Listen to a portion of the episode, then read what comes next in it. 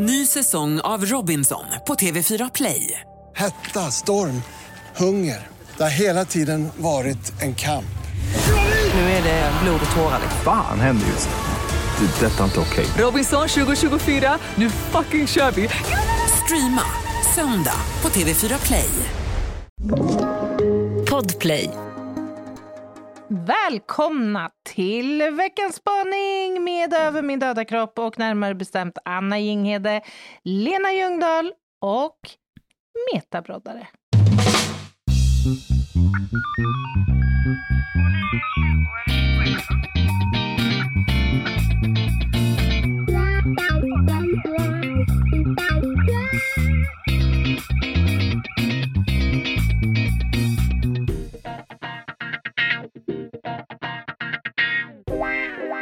Så var det måndag igen.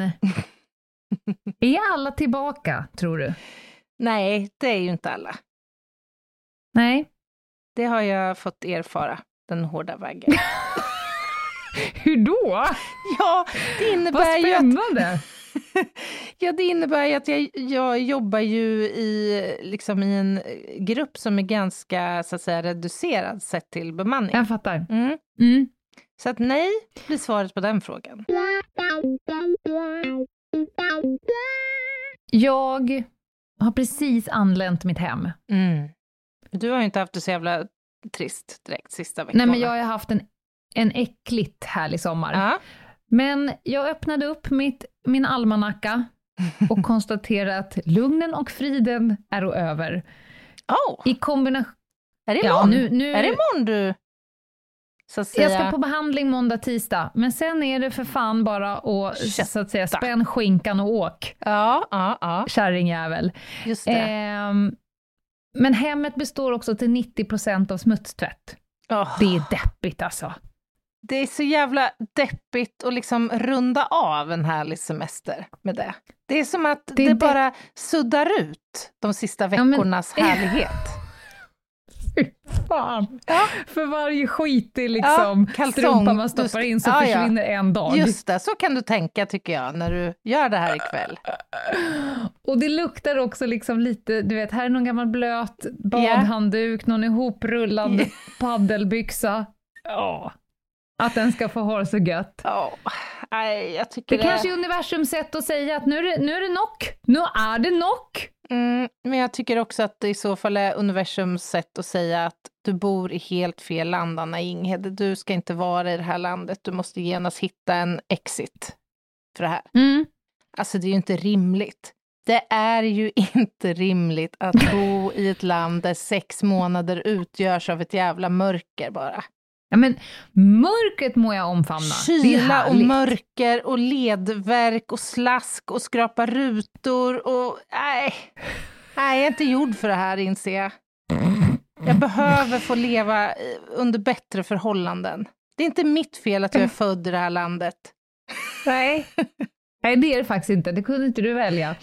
Men nog om det. Nu, är vi liksom, nu rullar saker och ting igång. Vardagen, träning, mathållning, tvätt, men också podden. På Jajamän. ett jävligt stadigt sätt kommer vi nu dra er igenom även detta mörker. Mm-mm. Såklart. Vi är redo för en ny säsong. Och vi har mycket på menyn så att säga. Det har vi verkligen. Och först ska Massa... vi... Ja, förlåt mig. Nej, säg. Jag tänkte bara säga att först ska vi ju spana, men jag märkte att du var inte klar riktigt där, så att jag bollar så snällt tillbaka. Nej, men jag tänkte göra en omvänd stek. Vi brukar avsluta med vad som kommer på torsdag, men när vi ändå var där och nibblade tänkte jag säga det redan nu. Ja, men det är fel. Absolut inte. Kör! Men på torsdag blir det knark. Oh, tackar, tackar. Du har ju så att säga kontaminerats i, i drogtecknenas symfoni nu i helgen. Du har ju haft någon form av beredskap. Ja, det har jag. Alltså ja, narkotikabrott är ju ett återkommande inslag så att säga. Det, har ju, har ju, det är ju ett stort mål eh, nu som har av, eller vi Mm. väntar på dom där i Örebro. Ett, ett, mål som har skrivits väldigt lite om i riksmedia förvånande nog för att det omnämns som ett av Sveriges största så att kanske får vi nibbla lite, kan jag bidra lite med input från det till exempel. Men eh, ja, absolut. knark är en, en stor del av mitt liv. Men jag måste bara, nu ska jag inte gå liksom händelserna i förväg, men är det ett välkommet inslag i kriminaltekniker Ginghede Swedens alltså det är inte vardag? Gillar du att åka på nej. knarkbrott? Nej, alltså det är inte ett favorit, en favoritbrottskategori, det kan jag inte säga. För det kommer med så mycket med det. Dels aspekter rörande den rent kunskapsmässiga, att det dyker upp frågeställningar som jag sällan har svar Mm. på. Men sen är det ju faktiskt tyvärr ofta så att inblandade i, låt säga att det är fråga om ett våldsbrott i en miljö där människor missbrukar hårt, Mm. Så innebär det ju också ett visst debacle för oss, därför att det är svårt att få utsagor från de inblandade parterna som är så att säga hanterbara ur ett forensiskt perspektiv, för att Mm. uttrycka sig lite dip- diplomatiskt. Så det, här är ofta, det här är ärenden som ofta innebär extremt stora så att säga, insatser från vår sida, eh, men som blir väldigt svårutredda. Alltså i slutändan så, så är det liksom svårt att kunna ja, bevisa skulle man vem kunna som har gjort säga vad så här att så. Favoritpersonerna som du vill liksom möta på platsen, som du vill interagera med och ha som beståndsdelar, kan man hårdra det till att de antingen ska vara nyktra eller döda? Ja, alltså det sistnämnda föredras ju i, i de allra flesta fall. Där känner jag mig väldigt, väldigt trygg och eh, säker på så att säga Det är hur jag ska lugn och ro hantera. också, Ja, det är lugnt och fridfullt och liksom, ja, det, det Och tycker jag. inte bråttom. Nej, inte Och alls. det- Det, det, det, det besticket gillar du ju. Det besticket tar jag gärna upp i lådan, så att säga. Mm. Så är det. Trots detta så blir det knark på torsdag. Ja, men det ser jag fram emot. Det här är ju, du är ju som en jävla Pandoras eh, ask när det gäller det här. Jag lär mig Mm. alltid jättemycket, så det ser jag verkligen fram emot. Det kommer bli lite eh, hur man eh, klassar narkotika. Alltså vad är det som gör att det blir ett farligt och hälsofarligt Vad är det som gör ämne? att det blir falukorv av, av det här? Farligt falukorv, hälsofarligt ämne. Eh, varför blir vissa preparat narkotikaklassade, varför blir de inte det? Vad krävs för att det ska bli det? Vi ska prata lite farlighet, lite beroende Mm. och sen ska vi prata de drogspecifika beteendemönstren. Oj, spännande. Mm. Jag är helt övertygad om att om du går, får ett jobb och du åker till en adress och öppnar en dörr, så Mm. kan du någonstans i höjd med dörrmattan avgöra vilket preparat Ja. som konsumeras. Gud, ja. Absolut. Ja, det ska vi prata om på torsdag. Men Mm. nu jävlar i min lilla låda ska vi spana. Är du beredd? Jag är så redo.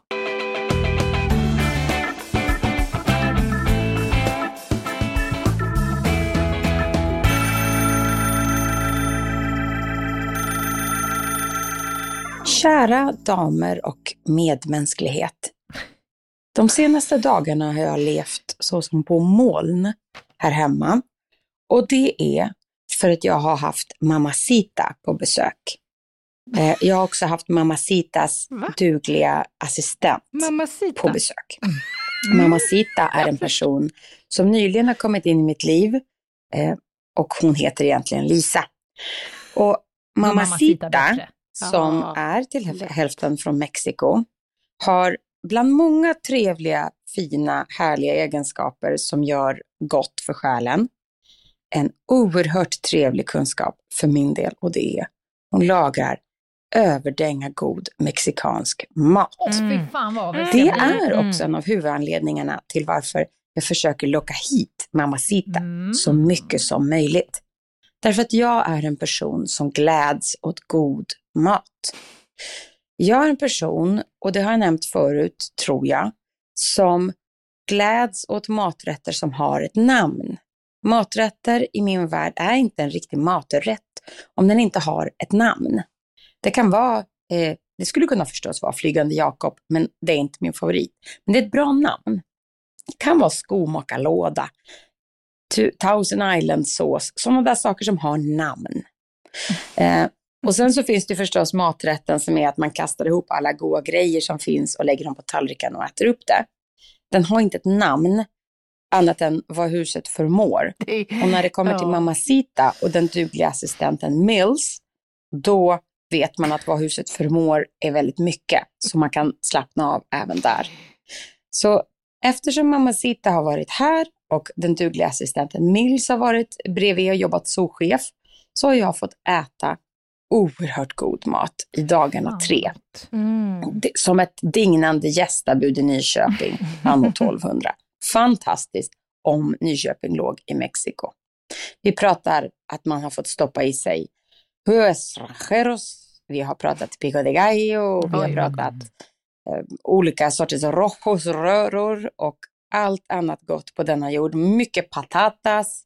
Och vi har Patatas pratat om mat medan vi har ätit Mm. mat. Och vi har pratat om nästa maträtt medan vi har suttit stinna Mm. och proppmätta som tunnor. Vi är foodies. Och foodies är ett eget släkte och eh, det är ett släkte som jag med stolthet hävdar att jag tillhör. Och när vi då satt här nu, tre foodies, pratade om maträtter med namn och satt och googlade hur de såg ut medan vi åt en annan maträtt och redan var stoppmätta. Då kom jag att tänka på en person i mitt liv som jag har känt sedan tidigare och som man kan kalla, i det här fallet, antikrist. Eh, inte moraliskt eller eh, etiskt, Jag utan är matmässigt. Det är en är person osannolikt. som på riktigt sa till mig, om jag kunde äta ett piller istället för att äta en måltid så skulle jag vara lycklig. Hell no.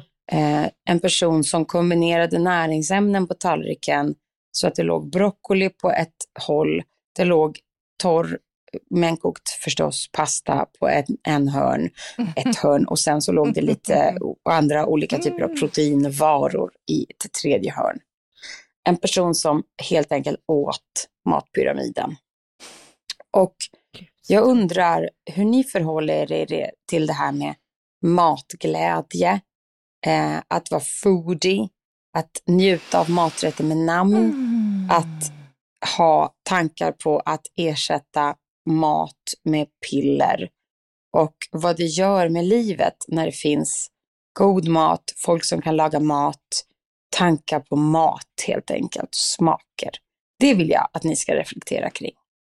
Ha det gött, bon appetit, adjö. Adjö. Oj. Jaha, Är du... för det första mexikansk mat. Ja, fint. Är du... Är inte det ett av de bättre köken? Jo, absolut. Älskar. Är du en mamacita? Alltså, jag vill ju säga ja. Jag är en foodie skulle jag nog vilja hävda. Men absolut, jag skulle vilja vara en mamacita av den enkla att mexikansk mat är så jävla god. Den Fast- först, Vänta nu, vänta, vänta, vänta, all- vänta, vänta, Jaha. vänta. Du är en foodie, säger du. Jag vet, alltså, vi har åtskilliga gånger mötts i ett telefonmöte eller en podd och där jag har hört att jag har ätit en halv liter pekannöt till middag, till exempel. Det här, då är Ja, du en ja, jävligt ja. selektiv foodie i så fall. Vad- då får du nog definiera vad betyder foodie för dig, för att då har vi tolkat ordet olika. Vad är Ah, en foodie då? Alltså, för mig, utifrån dels det hon beskriver, men det jag också så att säga väger in i eh, begreppet är ju att en foodie är en person som, som avviker från den gängse normen hos människor och relationen till mat. Det vill säga att mat är någonting som man måste ha för att överleva. Eh, En foodie ägnar sig åt mat som en stor del intressebaserat, skulle jag vilja hävda. Så att man så mat är något mycket, mycket mer än någonting du behöver för att eh, överleva och leva. Alltså, Mhm. för, i min värld så skulle inte en foodie till exempel kunna langa fram en, en eh, fryst Karins lasagne på lunchbordet på jobbet till exempel. Nej.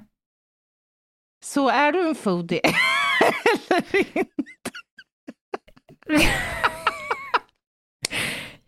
Jag tror jag slutar lyssna någonstans med gängse norm.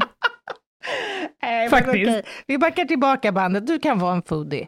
Förlåt. Eh, Nej, så Fortsätt. här, så här. Skulle jag vara en person som, som hellre skulle vilja ta ett piller för att bli mätt och slippa mat? Nej. Nej. Jag Nej. är en njutningsätare. Jag äter det jag är sugen på vid varje enskilt ögonblick. Om det är en, en, någonting som jag har stått och lagat i tre veckor eller två liter pekannöt Mm. framför soffan. Just det. Eh, på det, det är min definition av Ja, food. Jag är en det njutningsätare. Jag skulle aldrig byta köpa. ut det mot ett mot ett pillerjävel alltså. Fy Just det, fan vad fattigt. Det kanske var jag som var lite för snabb att värdera, så att säga, själva innehållet i, i måltiderna där som jag hört talas om ibland.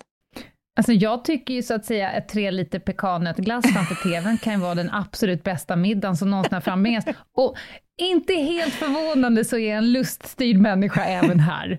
Ja, Det kanske inte kommer som en chock. det förvånar mig inte ett dugg.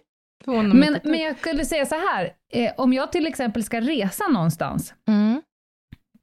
New York, utomlands, vilket jävla ställe som helst, Mm. så när min research, jag är ju också en, en reseledare slash researcher när vi åker någonstans, Just det. och jag börjar nästan alltid med restaurangbokningar. Eh, bokningar. Mm. Mhm. Och det säger en del. Alltså jag måste säkerställa så att man inte går någonstans i något jävla kvarter och så börjar bli hungrig och så får man bara ta över de här skitställena som är på Mhm. något. Utan jag vill ju när jag reser från Sverige veta att vi har bord på. Mm. Du vill vi ha har bord premium, på Tau- så att säga. Du vill ha... Nej men det kan vara korvkiosksbaserat, men då ska du fan, då ska veta att det är gott. Ah. Alltså att maten är vikt, en stor del av resan. Mhm. Att hungrig dra runt på en, någon av eh, turistgågatorna och hoppa in och få sig något jävla skit, det tycker jag inte är lika kul.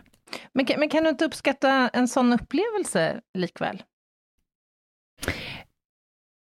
Eller är, är Att- maten så central så att även om det är ett härligt ställe, härlig personal, härlig miljö, så kan det aldrig kompensera för att maten inte var liksom tipptopp? jo, jo, absolut, det kan det, men det är väldigt sällan de ställena ligger på turistgågatan. Mm. Det stället hittar du inte på Västerlånggatan i Stockholm. Ja, jag fattar. Jag det förstår. kan vi lugnt konstatera. Däremot så kan jag verkligen njuta av en uh, ruffig korvmoj på andra sidan stan, om den är cool på något sätt. Den Ja. kanske har fin street art på sig, men jag vill inte bli magsjuk, där går gränsen. Nej, nej, men det är väl ändå någon slags lägsta nivå. Men alltså jag kan, jag kan verkligen hålla med dig här. Det jag konstaterar när jag funderar på min, e- min egen relation till mat och måltider och allt det här, det är att jag, jag tycker ju understundom det är ganska härligt att laga en god middag. Även om jag lagar mycket, mycket mindre mat idag än för kanske tio år sedan. Av, av tidsmässiga skäl. Jag hinner inte lägga så mycket tid på matlagning. Eh, däremot så inser jag ju att jag ofta, när jag väl har investerat tid, inte tar mig tiden kanske att avnjuta måltiden så som man kanske borde egentligen. Det känns som att det, måltiden går ofta väldigt fort för mig. Jag är alltid på väg någonstans eller har tankarna på vad jag ska Mm. göra efter eller programmet jag ska se på tv eller... Och samtidigt så behöver det inte vara liksom en fine dining som, som eh, på något sätt får mig att älska en måltid. Alltså jag kan, lika, jag, jag kan uppskatta lika mycket en hemmagjord tonfiskbaguette i solnedgången på Mellbystrand eller en korv som har grillats över öppen eld vid en fjällstuga i Sälen. Så att säga. Det kan skän- skänka mig lika mycket do, dopaminpåfyllning som Oh, ja. en eh, så här, eh, jättefancy krog Ja, i de men- finaste kvarteren i, vad vet jag. Så Det har ju också att göra med vilka man är med och sinnesstämningen och utsikt. Fan, ett, ett eh, ägg som man har haft i botten på ryggsäcken Ah, ja. uppe på toppen av ett berg, det kan ju vara det godaste du någonsin har. Ja, men faktiskt. Ett poddtips från Podplay. I fallen jag aldrig glömmer djupdyker Hasse Aro i arbetet bakom några av Sveriges mest uppseendeväckande brottsutredningar. Går vi in med hemlig telefonavlyssning och, och då upplever vi att vi får en total förändring av hans beteende. Vad är det som händer nu? Vem är det som läcker? Och så säger han att jag är kriminell, jag har varit kriminell i hela mitt liv men att mörda ett barn, där går min gräns. Nya säsongen av Fallen jag aldrig glömmer på Podplay. Kan jag bara få säga, eller prata om en sak som vi diskuterade när du och jag var ute i skärgården i somras? Aha. Apropå synen på oss som människor. Vi, ja, vi tror ju båda två att folk tänker att jag kanske är den som är mer picky med mat. Mm, mm. Och du, och, och folk kanske tror att du är en, eh, så att säga, äh, det är inte så noga allätare. Och du har ju också den bilden på dig själv. Har jag det? Men- ja, kanske jag har. Jag är ingen mamma Ja, men lite så. säga. Nej. Ja, nej, men Ja. jag, jag kan äta allting. Alltså att du inte skulle vara så picky. Men, men efter att ha liksom, så att säga, levt med dig, Ja. eh, och jag har ibland så här försökt få det att äta, så nej, nej det där, den konsistensen kan jag inte äta, nej, det där är lite för surt, det där är lite för, nej det där är inte min grej och så vidare. Men det är bara roligt att se, utifrån personligheterna så är det nog då borde det nog vara så, för jag äter ju verkligen allt, utom att jag inte äter, eh, att jag är vegetarian. Men, Men det tycker jag att jag finns- gör med, utom inälvsmat, typ. Det undviker jag. Och surströmming. Ja, ja det Mm. kanske är så. Kan, kan du komma på, kan du, har du några konkreta exempel? Nej, men vi, höll, vi pratade om det här när vi badade någon gång, eller när vi nu satt på, att, att det var roligt att det är för jag, jag kan själv tänka så här, jag är nog den som är picky och Anna inte. Men Ja. det är så här, ja men ta ett glas, inte vet jag, lime, nej, lime i vatten funkar det, ja, det Smoothie, nej smoothie, jag har Nej, lite det svårt gillar jag inte. att svälja Ja, ja, ja. smoothie. Nej, tjock, kvalmig frukt. Nej, för fan, det gillar jag inte. Bara Limevatten är jag inte heller superförtjust i. Då tar jag hellre klint Vad sa du, plankstek? Nej, limevatten. Men alltså, Jaha, får, jag, okej, får jag bara hörde fråga så här, lite fel. är man Ja. en eh, dålig människa om man ändå kan känna viss uppskattning till konceptet måltidspiller? Ibland, så att säga. Är det... Är man en dålig människa? ja, alltså Du tyckte det... inte att du spände lite långt på värderingskontot nu? Ja, men det känns lite som att det är två, två läger här. Det, det är liksom en skiljelinje mellan Mhm. mamacita och måltidspillret. För att jag kan absolut erkänna att jag... Antikrist. Ja, jag är nog fan ta mig en antikrist då emellanåt. Ja. Till exempel igår när jag var, jag, jag har ju haft beredskap i helgen. När man jobbar Ja. och jobbar och jobbar och känner, fan vi måste bryta nu för att få i oss något att äta, men samtidigt så vill vi ju hem innan liksom gryningen till Örebro igen. Då hade det ju varit kanon och bara, ja men vänta Ja. jag går och hämtar mål, varsitt måltidspiller i bilen. Ja, Det var vad fan, grymt. Det, det, jag kan absolut se tillfällen där man är en pillermänniska. Ja. Jag som dessutom är lite blodsockerkänslig, hade jag kunnat peta i mig ett piller så jag hade fått upp på några steg, Ja. så att jag inte har fullt så många horn i pannan. Då hade man ju velat haft en, en liten tablettask med sådana där, där krumelurpiller som så att säga kan bryta. Fast man men skulle inte ändå... ersätta allt. Nej, Man skulle Fan vad ändå... deppigt att åka till en fin restaurang i New York och sen när du väl har slagit dig ner och så kommer tallriken och så ligger det ett piller på tallriken. Ja, nej det är lite deppigt. Och, och samtidigt så skulle man ju vilja att om någon nu funderar på att utveckla sånt här piller, man skulle ju ändå vilja så att säga kunna uppnå känslan av att precis ha avnjutit en filet mignon eller någonting. Alltså det är ju också en, det är ju mer än bara smakerna menar jag. Ja. Och kan vi prata Men- lite om det? Ja, för, förlåt. Nej men, jag, ville, jag tänkte gå vidare till det här med namn. Men Ja, vi ja, kanske inte var klar. Ja, men alltså jag, jag tycker att jag skulle vilja prata lite grann om liksom vad måltiden är. Alltså vi, vi är inne på nu att det är en bra grej för att få i oss näring och ett absolut måste för att överhuvudtaget eh, liksom leva. Men det är ju faktiskt också ett tillfälle för både liksom gemenskap och njutning och samtal och oral funktion, inte minst, och oral dysfunktion, framkallande av minnen och en massa men, annat. ja. Eller hur? Så får man inte äta... Och, och, jag kan, nu kan jag, ska jag bara ta en... När jag låg på sjukhus länge och inte Mm. fick äta, Mm, jag, jag fick sån här, de kallade det för tarmvila i två veckor. mm. För att mina, eh, min mage var så sönderstrålad, så de sa att äter du nu så är det risk att tarmarna bara Ja, just det. Brister eller? går sönder. Ja. Så du, det är tarmvila för dig, två veckor. Mhm. Två veckors näringsdropp. Ah. När det är liksom inget fel på tänder och mun, man skulle kunna Mm, äta, Mm. men du får maten i näringsdropp istället. Mm. Jag blev fan i mig psykiskt Mm, sjuk mm. på kuppen. Jag låg och hallucinerade och drömde om, och låt mig nu här, hur hjärnan funkar, det var bara väldigt kolhydratrika saker som min hjärna skrek efter. Jag drömde om kanelbulle, pannkaka, flottig pasta och sånt där som som hjärnan då skrek efter. Och sen så tittar man på den jävla näringsdroppen och då tänkte jag så här, nej men fy fan! Det slutade med att, att eh, sköterskan Sirpa, hon kom in med en eh, sån här tablettask, Fruxo tablettask. Mm. Och så fick jag tugga på några av de här eh, se, röda, sega eh, Mm. godisbitarna. Och sen när jag tuggat en stund, då höll hon fram handen och så fick jag spotta ut den. fick absolut inte svälja. Gud. Men för att få Ja, lite smaken. tuggmotstånd och någon form av smak i munnen. Ja, för det här, det här tycker jag är intressant, om inte annat ur ett rent odontologiskt slash medicinskt perspektiv. Mhm. Alltså tuggning, tuggfunktion har man Mm. förstått fyller en väldigt, väldigt viktig funktion, bland annat för våra minnesfunktioner och våra kognitiva förmågor. Man har alltså testat Mhm. på råttor bland annat, nu är det här ganska länge sedan jag hörde om den här studien, men jag tror att det gäller fortfarande.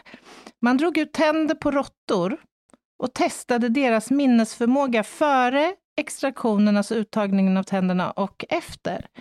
Och Mm. eh, före, när, när råttorna hade kvar alla tänder, då kunde de hitta sin väg ut ur en labyrint utan några som helst problem. Men när tänderna var utdragna så kunde de inte längre göra det. Och då förstod man att det här med tuggförmåga, ja visst är det märkligt? Eller intressant? Jo, jo, att det påverkar våra kognitiva förmågor och därför så har man ju också gjort, dragit, eller kan dra paralleller till bland annat vår population av äldre människor i befolkningen. Vad innebär det för dem att förlora tänder tidigt i livet att, och inte få dem ersatta? Eh, och utöver det rent liksom me mekaniskt kognitiva relationen så är ju måltiden också förknippat med minnen. En äldre människa, för en äldre människa kan det ju räcka att se en rödbeta på en tallrik för att minnet av intaget av en kalops en sommarkväll vid landstället för 50 år sedan ska väckas till liv. Alltså det är så mycket mer än bara någonting vi gör för att liksom överleva och det tänker vi inte så mycket på. Eller hur? Men det låter helt, alltså jag, jag ifrågasätter dig till noll procent. Jag ska leta rätt på helt- den där studien. Så det låter helt sinnessjukt att en råtta som man drar ut tänderna på helt plötsligt inte hittar. Men visst är det? Jag kan inte Då tänker förklara jag på någon, den här gamla barnsagan där man skulle labba på spindlar. Och man fick, alla barnen fick låna hem en spindel var i en vecka och sen skulle man komma tillbaka. Men det är, någon, det är någon saga, det är nog inte, har nog inte hänt på riktigt. Ja. Men då, då, då fick man ha spindeln hemma en vecka och så skulle man komma tillbaka och sen så efter, redovisa för skolan vad man har lärt sig om spindel. Liksom. Ja, den har så här ja. många ben, den sover på natten och så vidare. Då var det en av ungarna som tog ut sin spindel ur burken och sen så la den på bordet och ryckte den av alla benen på spindeln. Mhm. Det var Och så sa han så här, höger, vänster. Och så tittade han på klassen och så sa han, en spindel utan ben hör inget. Det är väldigt, väldigt roligt. Är du säker på att det inte är någon Ah! sån studie du har läst? Jag är helt 100% säker på att Okej. vår tuggförmåga och förmågan att känna eh, smak av en krydda, att se vad som ligger på tallriken, att liksom uppleva doften av nybakt bröd, att alla de bitarna fyller Ja, en håller- extremt stor eh, funktion för Ja. oss. Ja, Evolutionärt det. Det och överlevnadsmässigt. Mm. Ja, men det tog mig två veckor att bli sinnessjuk Ja. för att jag inte fick äta. Så att jag köper det till 100 procent. Spännande. Vad händer då om man tuggar tuggummi? Blir man super, super... Det ska jag tala om för dig. Det finns det Jaha. också forskning på. Och där har man tittat på unga människor eller ungdomar som tuggar tuggummi och där har man faktiskt kunnat se att deras minnesfunktioner och skolprestationer är bättre än icke-tuggande eh, unga människor. Det är finns sån sant? forskning också. Absolut. Så Och tuggning jag som är... hatar tuggummi, det förklarar så mycket nu. det gör ju inte jag heller. Faktiskt. Nej, okej. Så ofta. Men det har betydelse för oss och eh, våra eh, ja, neurologiska funktioner helt enkelt. Men du, du var inne på det här med namnen. Det måste vi ju faktiskt Ja, hon- ägna några Hon minuter pratade åt. om att, ja, hon pratade att hon gillade maträtter som har namn. Ja, just det. Och, och där slog det an någonting i mig. Aha. För att om man tittar i min receptbok, jag Ja. har ju, om jag är hemma hos någon och äter ett extra gott bröd, eller någon som gjorde något, någon god drink, eller så. Mm. Och så, då vill man gärna ha med sig receptet. Och jag gillar inte så, ja men jag messar det till dig. Nej, jag vill ha det skrivet på ett papper, för jag vill ha det i min receptbok. Jag har en pärm med plastfickor där jag stoppar in. Den gör mig glad. Ja, okej. Utvecklarna. Nej men alltså vadå? Du kan väl lika om du får det på ett sms, du vill bara skriva in det i din perm då, Mamacitas eh, vegetariska, vad vet jag. Nej, jag vill ha personens egna Jaha, handstil. det är det som är grejen ja. Just det. Mm. Och där älskar jag när Döper folk du dem då? har... Nej men, ja, om de inte gör det själva. Men döm om min förvåning, om jag bläddrar i mitt receptblock nu, så har jag recept på saker som har namn och där det fanns ett namn redan för dem. Så att i min receptbok så har jag ett recept på ett fantastiska små kakor. Och Aha. rubriken har då Ja. personen som har gett mig det här receptet skrivit Farmor Bosses kolakakor. Det är ju härligt. Förstår att jag älskar den här kakan två gånger så mycket. Då, då är alltså den personen som har skrivit receptet till mig, har ju någon då uppenbar, och sen så har jag ju, i min, och om de inte döper dem själva så gör jag själv. Så jag har till exempel Kalinas kladdis. Det är Ja. liksom en kladdkaka som Kalina kan laga som ingen annan kan. Jag har också Kalinas tomatsoppa. Men det är extra roligt om de skriver receptet och då är det liksom så här farmor Berits, eh, inte fan vet jag, toskapaj Ja, eller ja. så. Jag vet att, nu kommer jag inte ihåg vad den heter, men jag har lagat någonting hemma hos Meta någon gång, där, för hon har ju liksom namnat allting. Mhm. Varenda jävla grej eh, man äter har Mm. ju ett namn. Och jag älskar, jag, jag, jag ställer mig ledet till de som älskar mat lite mer om de har ett namn. Gärna efter den personen som kom på receptet från Mm. start.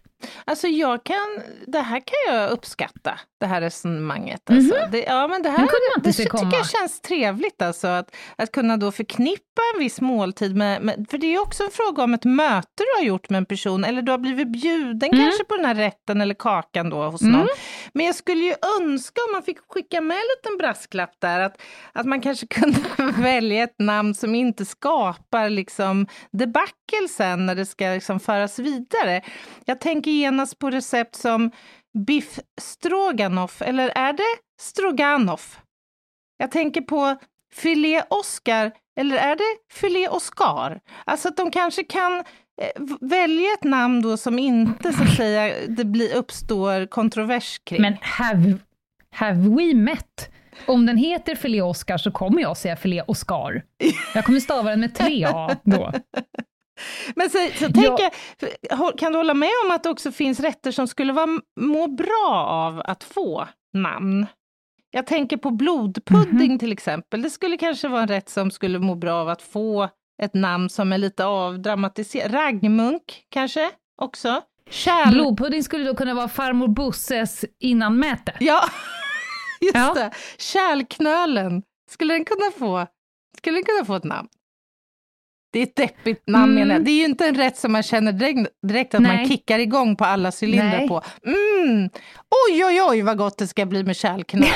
det känner man inte. Det, den skulle må bra av att heta något lite, ja, frestande. Isterband låter ju också Ja, deppigt.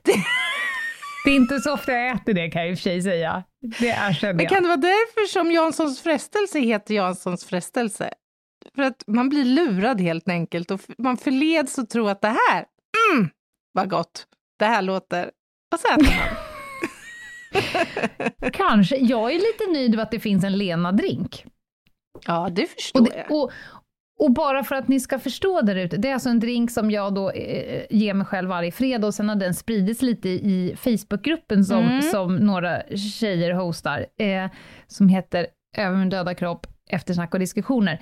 Och den sålde ju slut på Rival när Ja, vi hade vår livepodd där. Så roligt. Men jag vill bara säga så här, jag har ju inte döpt den här drinken efter mig själv. Jag måste ändå så här, jag känner, jag känner mig nödgad att meddela detta. det. Jag var alltså på en flatklubb tillsammans med några kompisar och den kvällen till ära så fanns det en drink man kunde beställa i baren som hette Lena, vilket jag då gjorde Aha. eftersom jag tyckte det var kul, eftersom jag Kul. hette Lena. Ja. Och så drack jag den och så var den ju så pissegod, så då Mm. var jag tvungen att fråga bartendern, vad är det i? Och sen den dagen har jag ju då Ah. haft den. Jag har ju inte så att säga Nej, döpt nej. en drink efter mig själv, vilket Det, det här tyckte jag i och för sig var en onödig information, för jag, hade- jag tyckte Jaha. nog ändå det var lite kul att leva i tron att det här faktiskt var Lena Sitas drink, så att säga. Ja, ja, men jag kan hitta på en egen liten rackare. Ja, Ja, oj, oj, det här var ju ett kul tema, tycker jag. Det är jättekul, men man blir lite hungrig. Ja, faktiskt. Blir man inte det?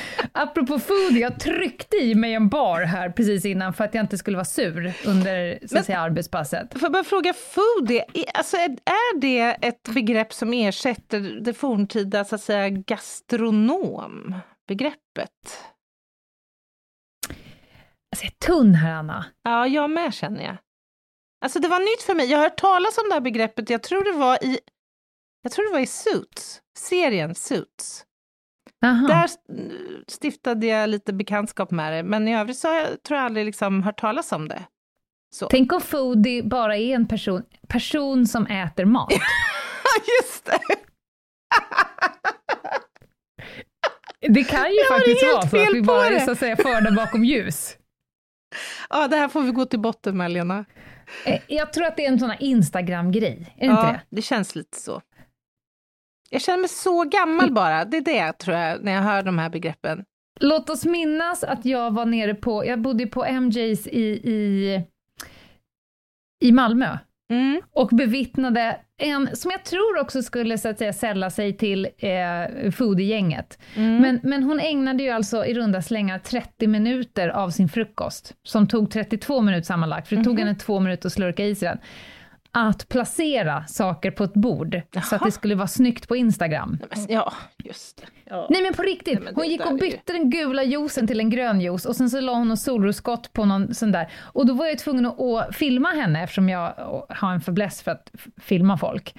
Och sen så la jag ju också ut detta, liksom rigget, Mm. varpå vi hade ju en jävels massa följare som då har tömt internet och hittat slutbilden. Så jag fick ju också se slut, så att säga, arbetet efter 30 minuters jobb. Det är så är hon en roligt. foodie eller är hon bara galen? Nej, men det där måste ju vara non-foodie då, tänker jag. Ja, okej. Hon äter ju inte, hon tittar ju bara på maten. Nej, just det. Ja. Hashtag no filter foodie. No filter, no, No, foodie. nej, Non-foodie. jag får släppa. Nej, det där får vi reda ut. Men hörni, eh, innan vi släpper er så ska vi också bjuda på lite samhällsinformation. Då, Men du sa i förra avsnittet att du skulle sluta med det. Just det. Innan vi släpper er så kommer vi inte bjuda er på någon samhällsinformation. Ni vet vad ni ska göra, var ni hittar oss och vi kommer att höras på torsdag igen. Och då blir det knarsch. Det blir knärs för hela konkarongen. Och Mm. eh, tänk på det nu i veckan när ni lagar era måltider, att det ska smaka gott, se härligt ut och eh, bjuda på en härlig eh, gemenskap och upplevelse runt matbordet. Och om du inte tuggar ordentligt så kommer det strax därefter gå rakt in i din köksvägg. så att jag vill att du tuggar ordentligt på din mat. Det var, det var bra. Ha det bra! Ha det bra! Hej! Bye!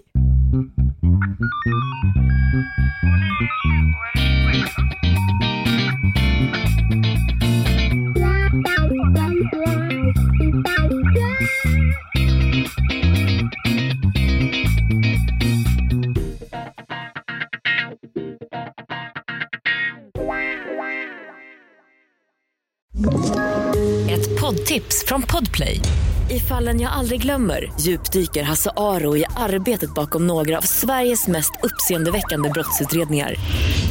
Går vi in med hemlig telefonavlyssning och, och då upplever vi att vi får en total förändring av hans beteende. Vad är det som händer nu? Vem är det som läcker? Och så säger han att jag är kriminell, jag har varit kriminell i hela mitt liv men att mörda ett barn, där går min gräns. Nya säsongen av Fallen jag aldrig glömmer på Podplay.